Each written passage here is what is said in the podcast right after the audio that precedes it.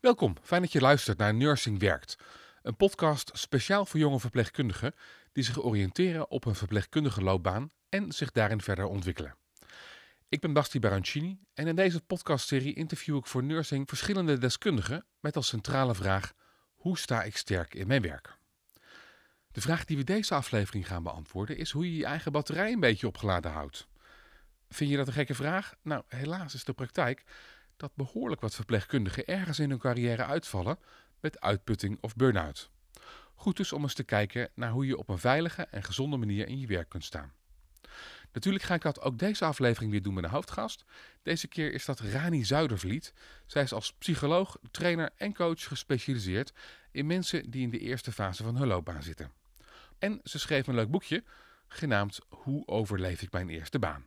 Rani, hartelijk welkom. Ja, dankjewel. Leuk om hier te zijn. 99% van de verpleegkundigen, dat is gewoon bijna iedereen, Ja. heeft ooit te maken gehad met serieuze uitputtingsverschijnselen. ja, dat zijn echt wel chockerende cijfers. Eh, in het bedrijfsleven is het op dit moment zo dat 100.000 starters per jaar in een burn-out terechtkomen. Nou, dat is al veel, maar dit cijfer wat je me nu schetst is wel heel erg verontrustend. in de gezondheidszorg. ja, zeker. Dan blijkt dat één op de drie verpleegkundigen eh, in zijn of haar loopbaan ook nog eens een burn-out krijgt. Ja, Eh, de afgelopen twee jaar hebben we te maken gehad met een pandemie, waardoor op veel afdelingen nog een stapje harder gelopen moest worden. De problemen worden dus waarschijnlijk eerder groter dan kleiner.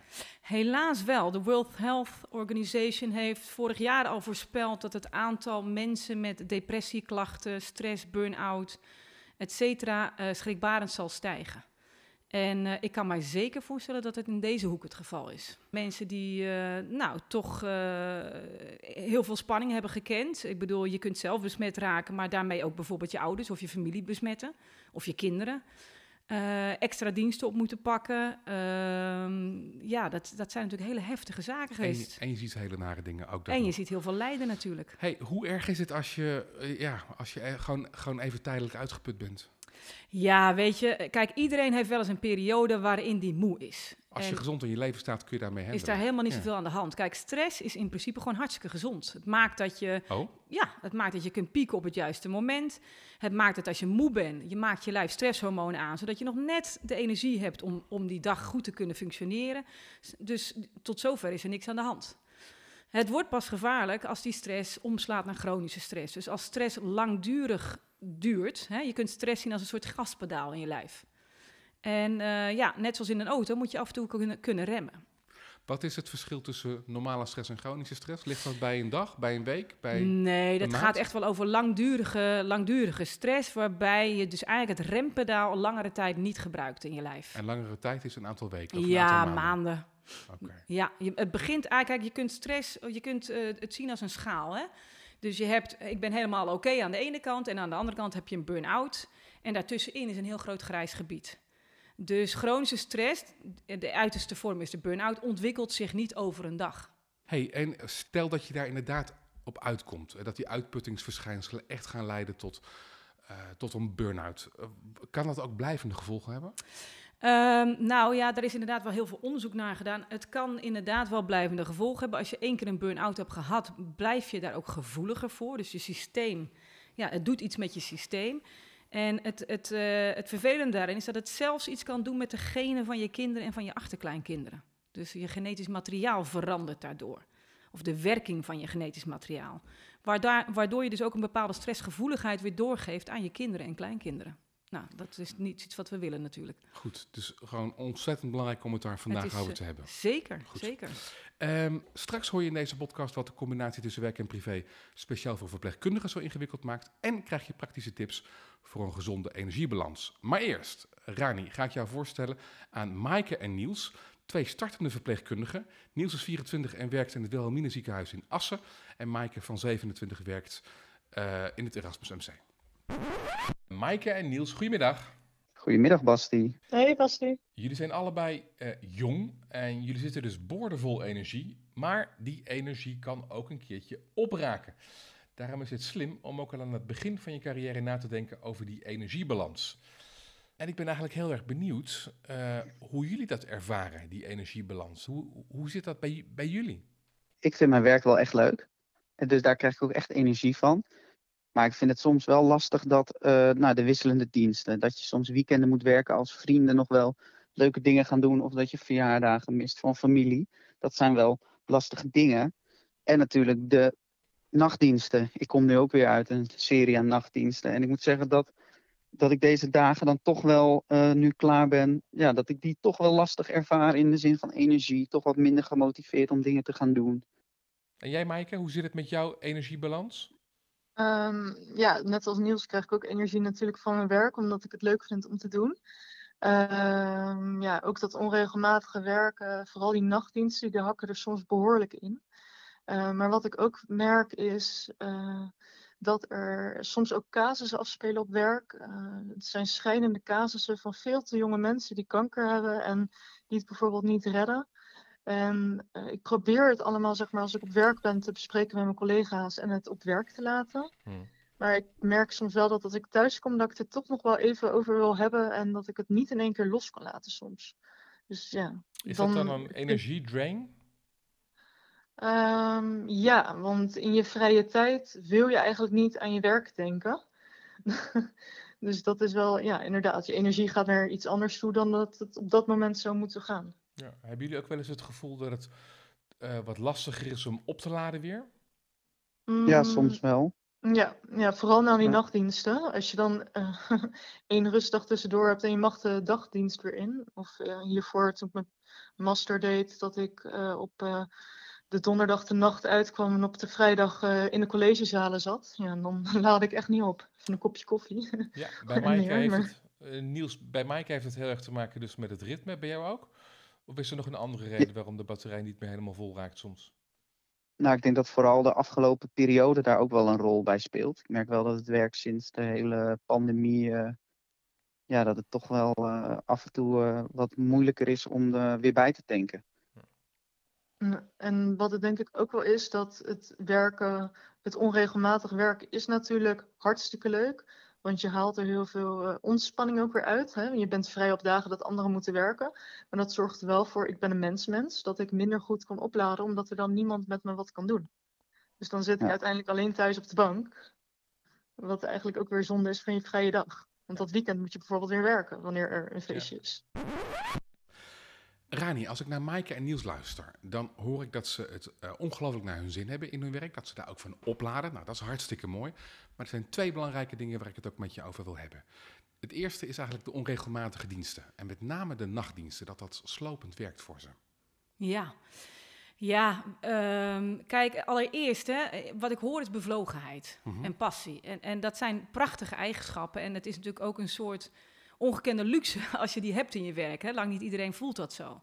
Er zit ook een andere kant aan. Hè. Bevlogenheid beschermt je niet tegen chronische stress. Hè, dus omdat we het heel leuk vinden, betekent dus niet dat we ook een prijs betalen daarvoor.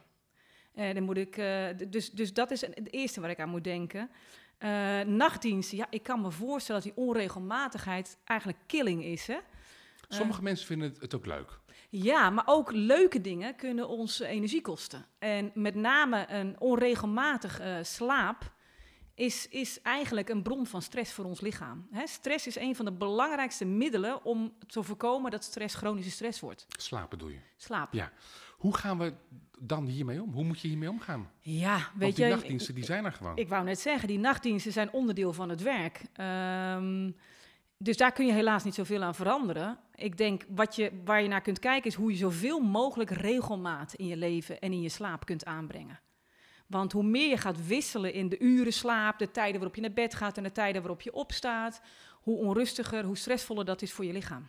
Maar in elk geval regelmaat. Dat is het allerbelangrijkste. Regelmaat helpt enorm als het gaat om je slaapritme. En welke regelmaat dat dan ook is, zorg in elk geval voor die regelmaat. Ja. Goed. Het tweede wat ik hoor, ja is uh, wat Maaike zegt, namelijk die schrijnende casussen die ze mee naar huis neemt. Ja, ja. Dat je eigenlijk je werk, dat dat, dat niet stopt bij de uh, deur van het ziekenhuis, maar dat je die mee naar huis neemt. Ja, nou ja, dat kom ik heel veel tegen. Ik kan me zeker voorstellen dat in deze beroepgroep, en zeker de afgelopen twee jaar, dat uh, bijzonder sterk speelt. Hè. Je hebt natuurlijk geen baan waarbij het gaat over niks. Hè. Het over gaat cijfertjes over, of nee, wat dan ook. Het, het gaat, gaat over mensenlevens. Mensen. Dus het is een ongelooflijk essentieel vak wat je uitoefent. En natuurlijk, als mens raakt dat je. En als je daar s'avonds thuis nog over na gaat zitten piekeren, wat, ja, wat ook heel logisch is, ik denk zeker in de stad van je carrière, is dat voor jouw eh, hersenen of voor jouw lijf eigenlijk een bron van stress. Want het lijf maakt geen onderscheid tussen je gedachten en een daadwerkelijke gebeurtenis. Maaike zegt, dan moet ik het er nog eventjes over hebben thuis. Ja. Dat is in de kern gezond, denk ik. Ja, het is heel gezond om eh, dingen hardop uit te spreken, omdat je dan vaak beter kunt relativeren. Maar heb je nou één of twee grote tips voor me hoe ik mijn werk niet mee naar huis kan nemen? Ehm, ja, dat is wel een lastige vraag. Kijk, het gaat eigenlijk over waar we ons vaak niet van bewust zijn, is wat het effect van onze gedachten is op ons stresssysteem. Ehm, dus jouw, de gedachte aan een wolf is net zo stresserend voor jouw lijf als een daadwerkelijke wolf, bij wijze van spreken. Dus met andere Is woorden, dit echt zo, ja? Ja, dus, het, dus ons lijf maakt geen onderscheid tussen de gedachte aan een wolf. Dus als ik nu ga nadenken bijvoorbeeld over een, een patiënt, hoe het daarmee gaat, gaat mijn lijf stresshormonen aanmaken. En dan ben je eigenlijk al aan, al aan het En dan ben je eigenlijk al aan het stressen. Dus een van de grootste bronnen van stress voor onszelf is, zijn eigenlijk onze gedachten. Dus als ik jou vraag om een goede tip, dan zeg je, denk niet aan je werk. En de vraag is, Nou hoe moet ja, ik niet aan mijn werk denken? of inderdaad, deel het tijdens het eten, ik noem maar wat, en spreek met jezelf af, na deze tijd ga ik niet meer piekeren. En dat klinkt heel stom, maar dat is ook een spier die je wel kunt trainen. Of Kun je dit voornemen, ja? Dit Ja, kun je gewoon oefenen. Je kunt wel oefenen om eh, elke keer als je aan je werk gaat denken te zeggen: nee, dat ik heb eh, tot het eten mag ik over mijn werk piekeren en het erover hebben. En na het eten stop ik daarmee. En als je dan merkt dat je gaat piekeren, dan eh, kan het wel eens helpen om ik heb de gedachte dat voor de gedachte te zetten. Hmm. Dus ik heb de gedachte dat morgen een zware dag wordt op de vloer. Zoals ze dat in de mindfulness volgens mij zeggen, dan identificeer je je er niet meer mee. Juist. Ah, Ja, dus dan heb je er minder last van. Dan is het minder waar voor je lijf. dan is het gewoon iets wat, er, wat, Ja. wat ook in de kamer is, in plaats van Precies. het enige. De waarheid. Ja, ja. Ehm, als ik de kranten zo'n beetje lees, Ja. dan lijkt het wel alsof burn-out een soort pandemie is onder met name millennials. ja. Hoe komt dat? Wat zit er in de geest of de, het, het leven van jongeren dat het, dat het zo vaak voorkomt? Nou, ik denk allereerst dat we maatschappelijke kwaal, eh, dat we daar de, de symptomen dus heel erg terugzien bij deze generatie. Maar het is zeker niet alleen van deze generatie. Wat je wel merkt bij deze generatie is dat, ehm, dat de snelheid enorm is toegenomen. Ja. Dat de hoeveelheid prikkels ongekend is. We zijn Ja. de hele dag bereikbaar, we zijn de hele dag online. Dus onze hersenen. Het verschil weer tussen stress en chronische stress is eigenlijk de hoeveelheid hersteltijd. En hersteltijd is tijd waarin jouw hersenen rust hebben. Ja. Dus niks hoeven doen. Stel dat ik vroeger bij de bushalte had gezeten, dan kon ik gewoon naar boven kijken, Ja. naar de lucht en nu ga ik mijn Twitter erbij pakken. Ja, en dan ben je dus weer online bezig. En komen er weer heel veel prikkels op je af. En het is logisch dat jouw hersenen dan dus aan het werk zijn.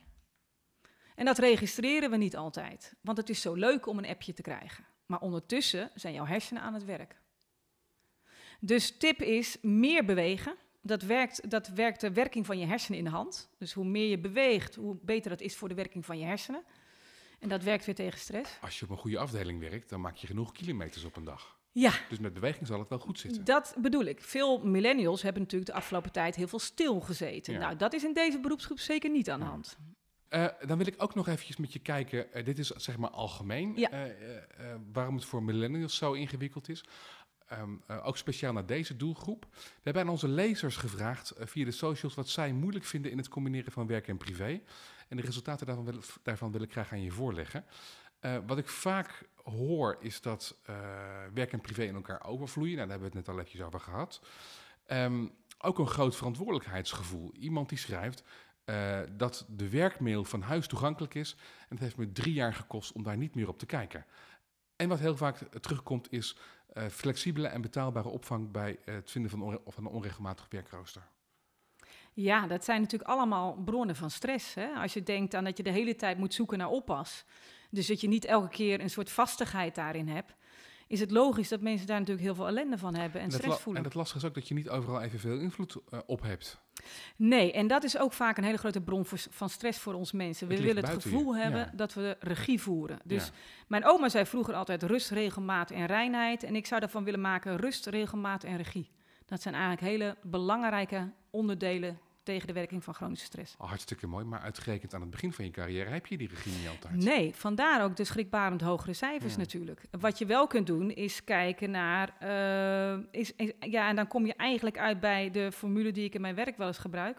En die heet de baasformule. En dat betekent Baas. eigenlijk de baasformule. B-A-A-S. B-A-A-S. En dat staat in eerste instantie voor bewustzijn. En wat ik merk bij de huidige generatie is omdat ze altijd online zijn en het tempo van leven zo hoog ligt, en zeker in deze branche eh, het tempo van werk zo hoog is, eh, dat mensen eigenlijk niet meer stilstaan om te voelen hoe het met ze gaat. We luisteren alleen nog maar naar ons hoofd en ons hoofd vindt dat we van alles moeten.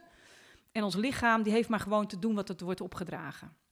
En eigenlijk gaat het verschil tussen stress en chronische stress heel erg over wees je bewust van hoe het met je lijf gaat. Jouw lijf geeft alle signalen af. Je moet er wel naar luisteren. En dat vereist dus dat je af en toe even stilstaat en bij jezelf te raden gaat, hoe gaat het met mij? En hoe word je dan bewust over wat er in je leeft, of oh, in, je, in je lichaam? Nou, door bijvoorbeeld even die social media aan de kant te gooien en bijvoorbeeld eens naar je grote teen te staren. Of eh, inderdaad in de trein even je telefoon uit te laten. Of eens even een wandeling te maken zonder podcast op je oren. Dus eigenlijk is dat ook weer tijd waarin je niet bezig bent met andere dingen, maar even gewoon in het moment, zoals dat heel zweverig eh, klinkt, bent. Ja, je bewust worden van eh, dingen. Ik wil graag één eh, voorbeeld aan je Ja. geven. Stel nou dat je, hè, want ha- hartstikke mooi naar je grote teen staren, Ja. et cetera. Dan zit je op zo'n afdeling en het is gewoon knijterdruk. Ja. Dan kan de leidinggevende aan je vragen, joh, krijg mijn rooster niet eh, rond. Die patiënten die kunnen niet voor zichzelf zorgen hier. Kun je vanavond een halve dienst overwerken? Ja, en voordat je het weet heb je ja gezegd. Ja, voor de vierde keer in de week. Ja, en dan kom je thuis en dan ben je uitgeput en de volgende dag zeg je weer ja. Ja. Ja, en dat heeft dus ook met dat bewustzijn te maken. Hè, dat je Hoe krijg eigenlijk. ik daar bewustzijn op? Wat, ja, hoe ja. doe ik dat dan? Nou, dat je vaak begint bewustzijn in eerste instantie helaas achteraf. Dus Mhm. dat je denkt, verdorie, ik heb voor de vierde keer deze week ja gezegd, terwijl ik eigenlijk hartstikke moe ben. Ja. Eh, dan gaat het er eigenlijk om dat je gaat kijken naar wat gebeurt er dan in zo'n situatie met mij op het moment dat ik die vraag krijg of ik over wil werken. Ja, nou ja, ik moet wel. Waarom? Ze kunnen niet voor, zich, voor zichzelf zorgen. Nee. Ja, dus vaak hebben wij gedachten over hoe onmisbaar we zijn.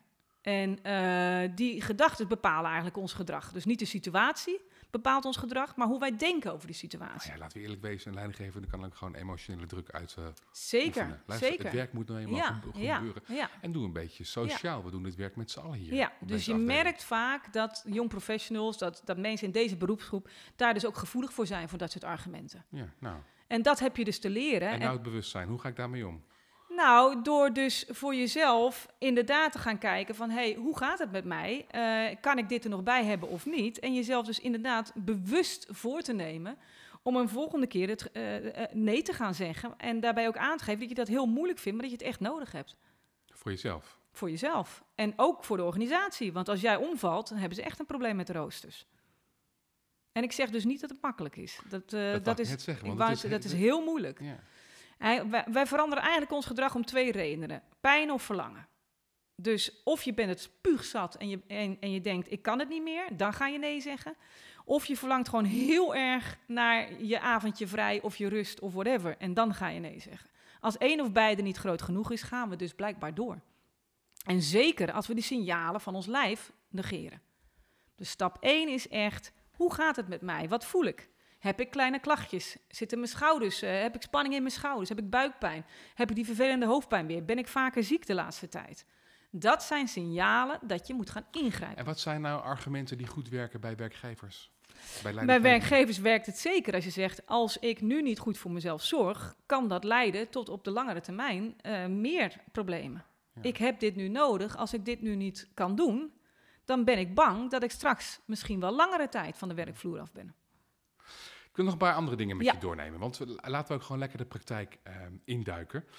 Ehm, energielekken, daar hoor je ook een hoop over. Ja, ja. Nou ja, kijk, een aantal dingen zijn een soort gegeven, hè, wat ik begrijp. Hè. Die Ja. avonddiensten of die nachtdiensten, daar kom je niet onderuit.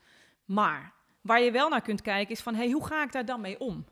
Maak ik maar daar, blijf ik mij daar heel erg druk over maken? Dat ik elke keer denk, gadver, weer zo'n nachtdienst en eh, hoe moet dat nou? Of zie ik mijn vrienden weer niet. Wat niet onlogisch is overigens hoor. Maar dat kost heel veel energie.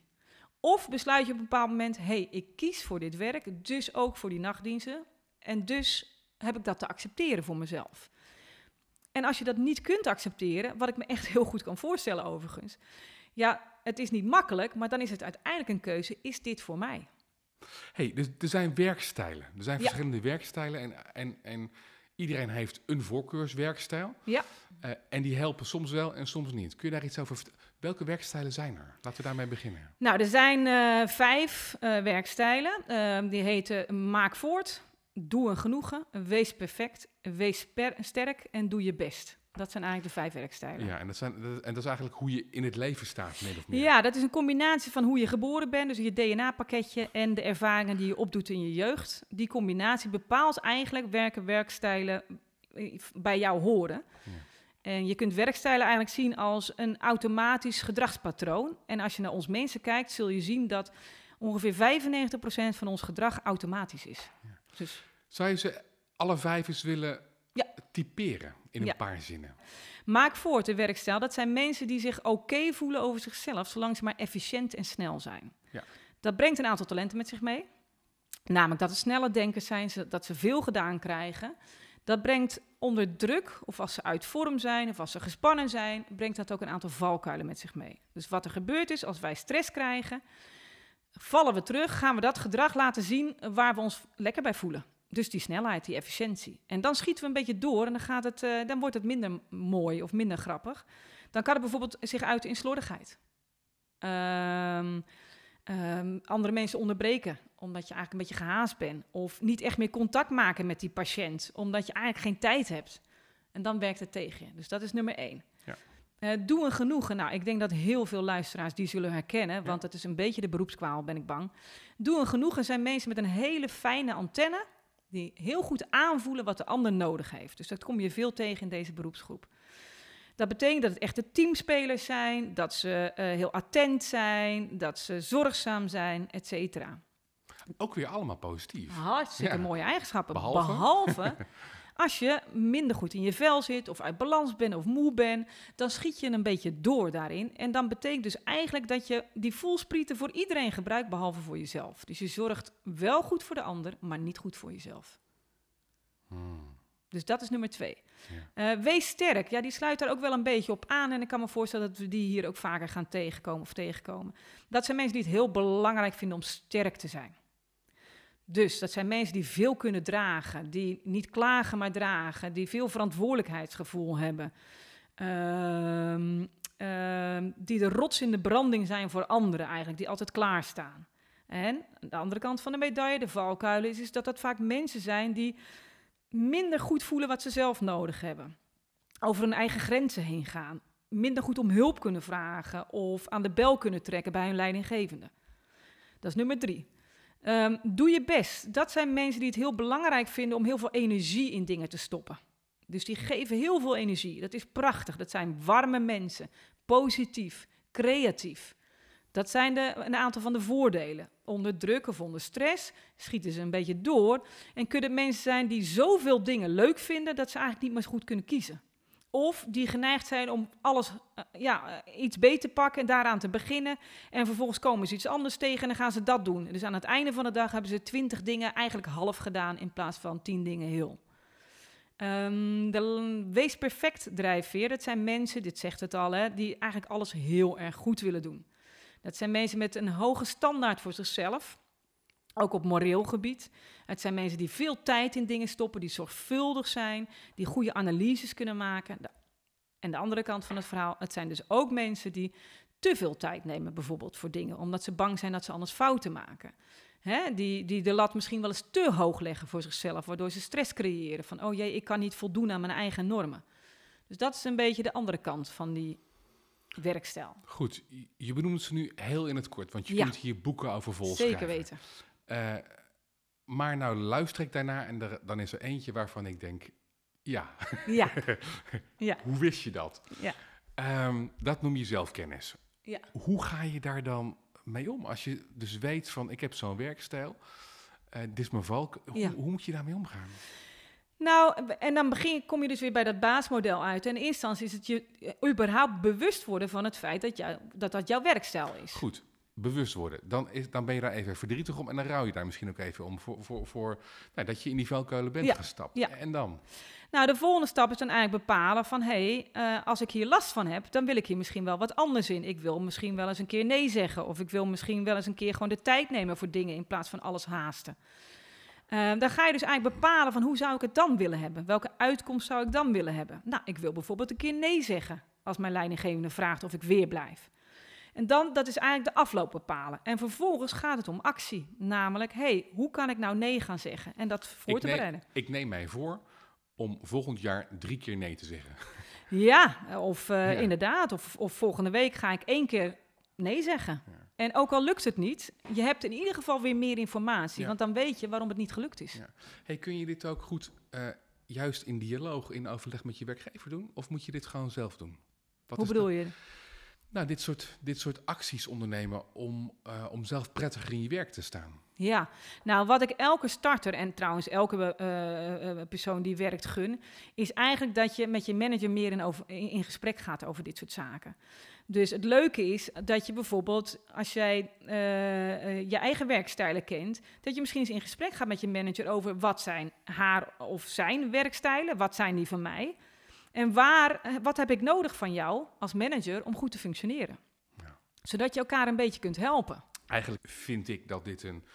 eh, dat het initiatief voor zo'n gesprek bij eh, een leidinggevende zou Ja. moeten liggen. Ja. Maar goed, niet elke leidinggevende is zo. Nee. En dan zou je het gewoon zelf moeten aankaarten. Ja, kijk, leidinggevenden zijn net echte mensen. Die hebben ook een heel bord vol liggen. En, en de een heeft er heel erg gevoel voor, voor de Ja. menselijke kant, en de ander minder. Dus wat ik elke starter echt ontzettend gun, Ja. is om uit te spreken wat hij wil en wat hij nodig heeft. En dat werkt ook echt, is ook een beproefd middel tegen chronische stress.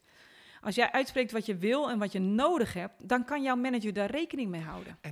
Ik zit nu zo Ja. een, beetje, een beetje met je mee te Mhm. denken. Als je dat in een groep doet, Ja, zeker. dan kunnen andere mensen denken: ja, maar hou eens even. Ik heb juist behoefte daaraan. Ja. En dan kun, je, me- dan kun je elkaar helpen.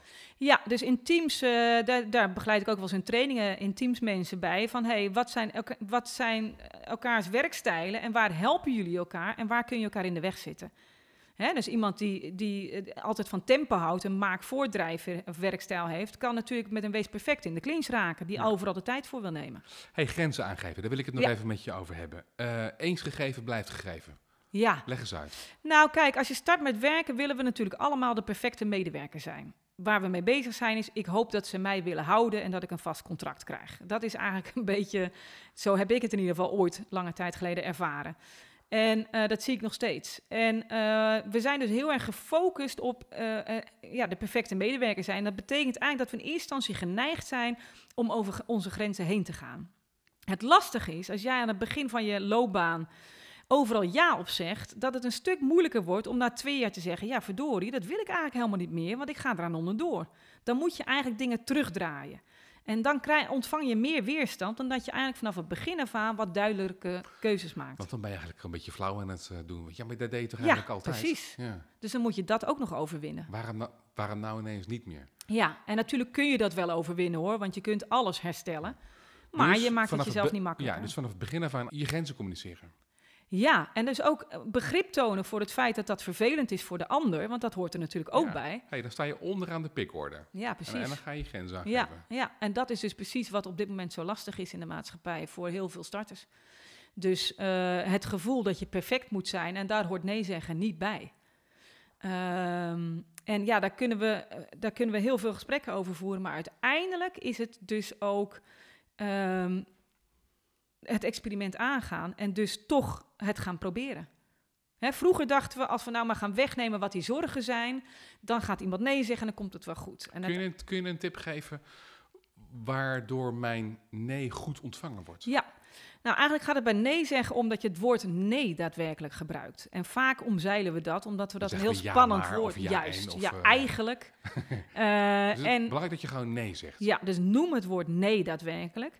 Hou het bij één reden. Vaak hebben we de neiging om vier redenen te gaan noemen. En eh, kijk of je het gesprek kort kan houden en toon begrip voor de teleurstelling van de ander. En vervolgens zeggen we eigenlijk, blijf in herhaling vervallen. Nee, het gaat helaas niet lukken vanavond, maar ik snap dat dat vervelend is. Zoals ik al zei, nee, ik kan helaas vanavond niet werken, maar ik snap wel dat dat voor jullie heel onhandig is. Ik zou dan misschien zeggen, maar morgen wel. Ja, Om, to- om, to- toch, Ja, om, ja. om toch tegemoet te komen Ja. aan de wens van de ander. Ja, ja, en dat is natuurlijk een keuze. Als het een bewuste keuze is, is dat prima. Als dat de keuze is van, oh jee, ik vind het zo spannend, dus ik geef maar toe op een ander front, dan kan ik me voorstellen dat je daar niet heel veel mee opschiet voor jezelf. Dus Gebruik het woord nee. Zorg dat je één argument geeft. Hou het gesprek kort. Hoe meer jij gaat uitleggen, hoe meer er een discussie ontstaat. En hoe langer het gesprek duurt, hoe groter de kans dat jij uiteindelijk ja zegt. Ehm, opladen. Want we Ja. hebben het nu eigenlijk gehad over Ja, waar energie ehm, uit weggaat. Eh, opladen. Nou ja, we leven natuurlijk, wat je net zegt, in een hele drukke tijd. Ja. FOMO, YOLO, et Ja, cetera. ja. Eh, En je wil niks missen, ook aan het begin van je carrière. Ja. Nou ja, eigenlijk zeggen we een van de belangrijkste verschillen tussen stress en chronische stress is dus die hersteltijd. Ja. Dat is oplaadtijd voor je hersenen. Met een biertje op een festival? Nou, weet je wat het lastige daaraan is? Dat is natuurlijk heel fijn, overigens. Maar hersteltijd, wat ik net al zei, betekent eigenlijk tijd waarin je lijf en je hersenen tot rust kunnen komen. En slaap is eigenlijk de belangrijkste vorm van her- hersteltijd. Je vervelen, eh, tuinieren, eh, dingen doen, wandelen, dingen doen waarbij je eigenlijk je hersenen tijd geeft om te herstellen. Ja. Misschien dat er al een hoop luisteraars nu de podcast afzetten. Als Ja. jij, als jij zegt, ga je maar eens vervelen. Daar Ja. hebben we nou net geen zin in. Nee, want eh, work hard, play hard. Hè. Je hebt zo'n drukke baan, dus je hebt het ook verdiend om dan in je vrije tijd heel veel leuke dingen te doen. Ja. De pest is dat, dat, eh, dat een, een burn-out eigenlijk nooit alleen een werkprobleem is. Het is altijd een combinatie van werk en privé. Echt waar? Ja, dus als jij een drukke baan hebt, maar daarnaast in je privé-tijd geluk, genoeg hersteltijd creëert, is er niet zoveel aan de hand. Heb jij, ben jij mantelzorger, maar heb je in je werk geen stress, is er ook niet zoveel aan de hand. Maar heb jij en op je werk heel veel druk en plan jij je hele weekend en je hele weken vol, dan kom je in een probleemzone. Eh, het kan gebeuren dat je deze podcast luistert en denkt... eh, ja, shit, ik ben eigenlijk al eh, Ja. een, een jaar bezig... en misschien zou ik wel een klein beetje overwerkt kunnen zijn. Zou, Ja. ik, zou ik misschien al in die valkuil gestapt zijn? Aan welke signalen moet ik denken?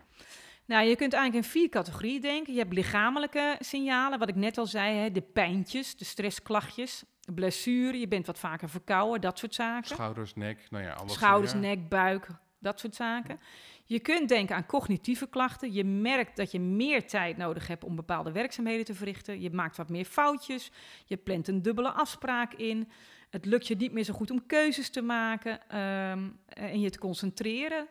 Je kunt denken aan emotionele signalen. Je merkt dat je wat eerder geïrriteerd bent. Of je merkt dat je wat gevoeliger bent. Of je voelt je wat sneller schuldig. Komt een huilbui een keer. Ja. Ja. Je hebt een huilbel, of Ja. je zelfvertrouwen daalt, of je voelt je juist heel vlak. Dat je bij alles het gevoel hebt van, nee.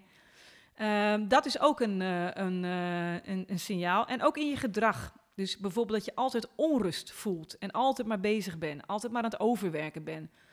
Ehm, ook geïrriteerd je uit naar anderen en naar je omgeving. Dus dat zijn allemaal signalen dat je wellicht wat last hebt van chronische stress. Let wel, dat is nog geen burn-out. Als je nou eh, behoorlijk wat van deze signalen hebt, nou, dat is heel simpel, dan moet je gewoon naar de huisarts. Ja. Maar als je nou één of twee van dit soort eh, half, ja, je bent een beetje op weg, wat moet je dan doen? Nou, dan gaan we ook weer naar het baasmodel kijken. Hartstikke goed dat je het bewustzijn hebt en dat je door hebt wat er aan de hand is.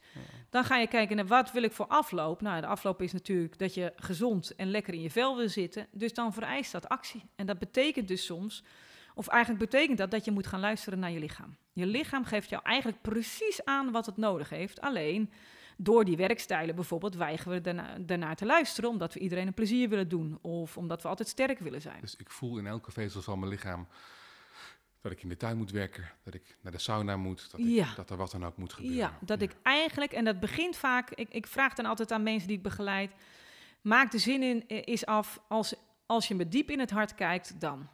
En dan weten mensen eigenlijk wel wat het antwoord Dan is. ik, dan ga ik lekker koken. Ja, bijvoorbeeld. Ja, heerlijk. Ja. Ja. Goede manier van hersteltijd overigens. Ja, hey, eh, kan het ook nieuwigheid zijn?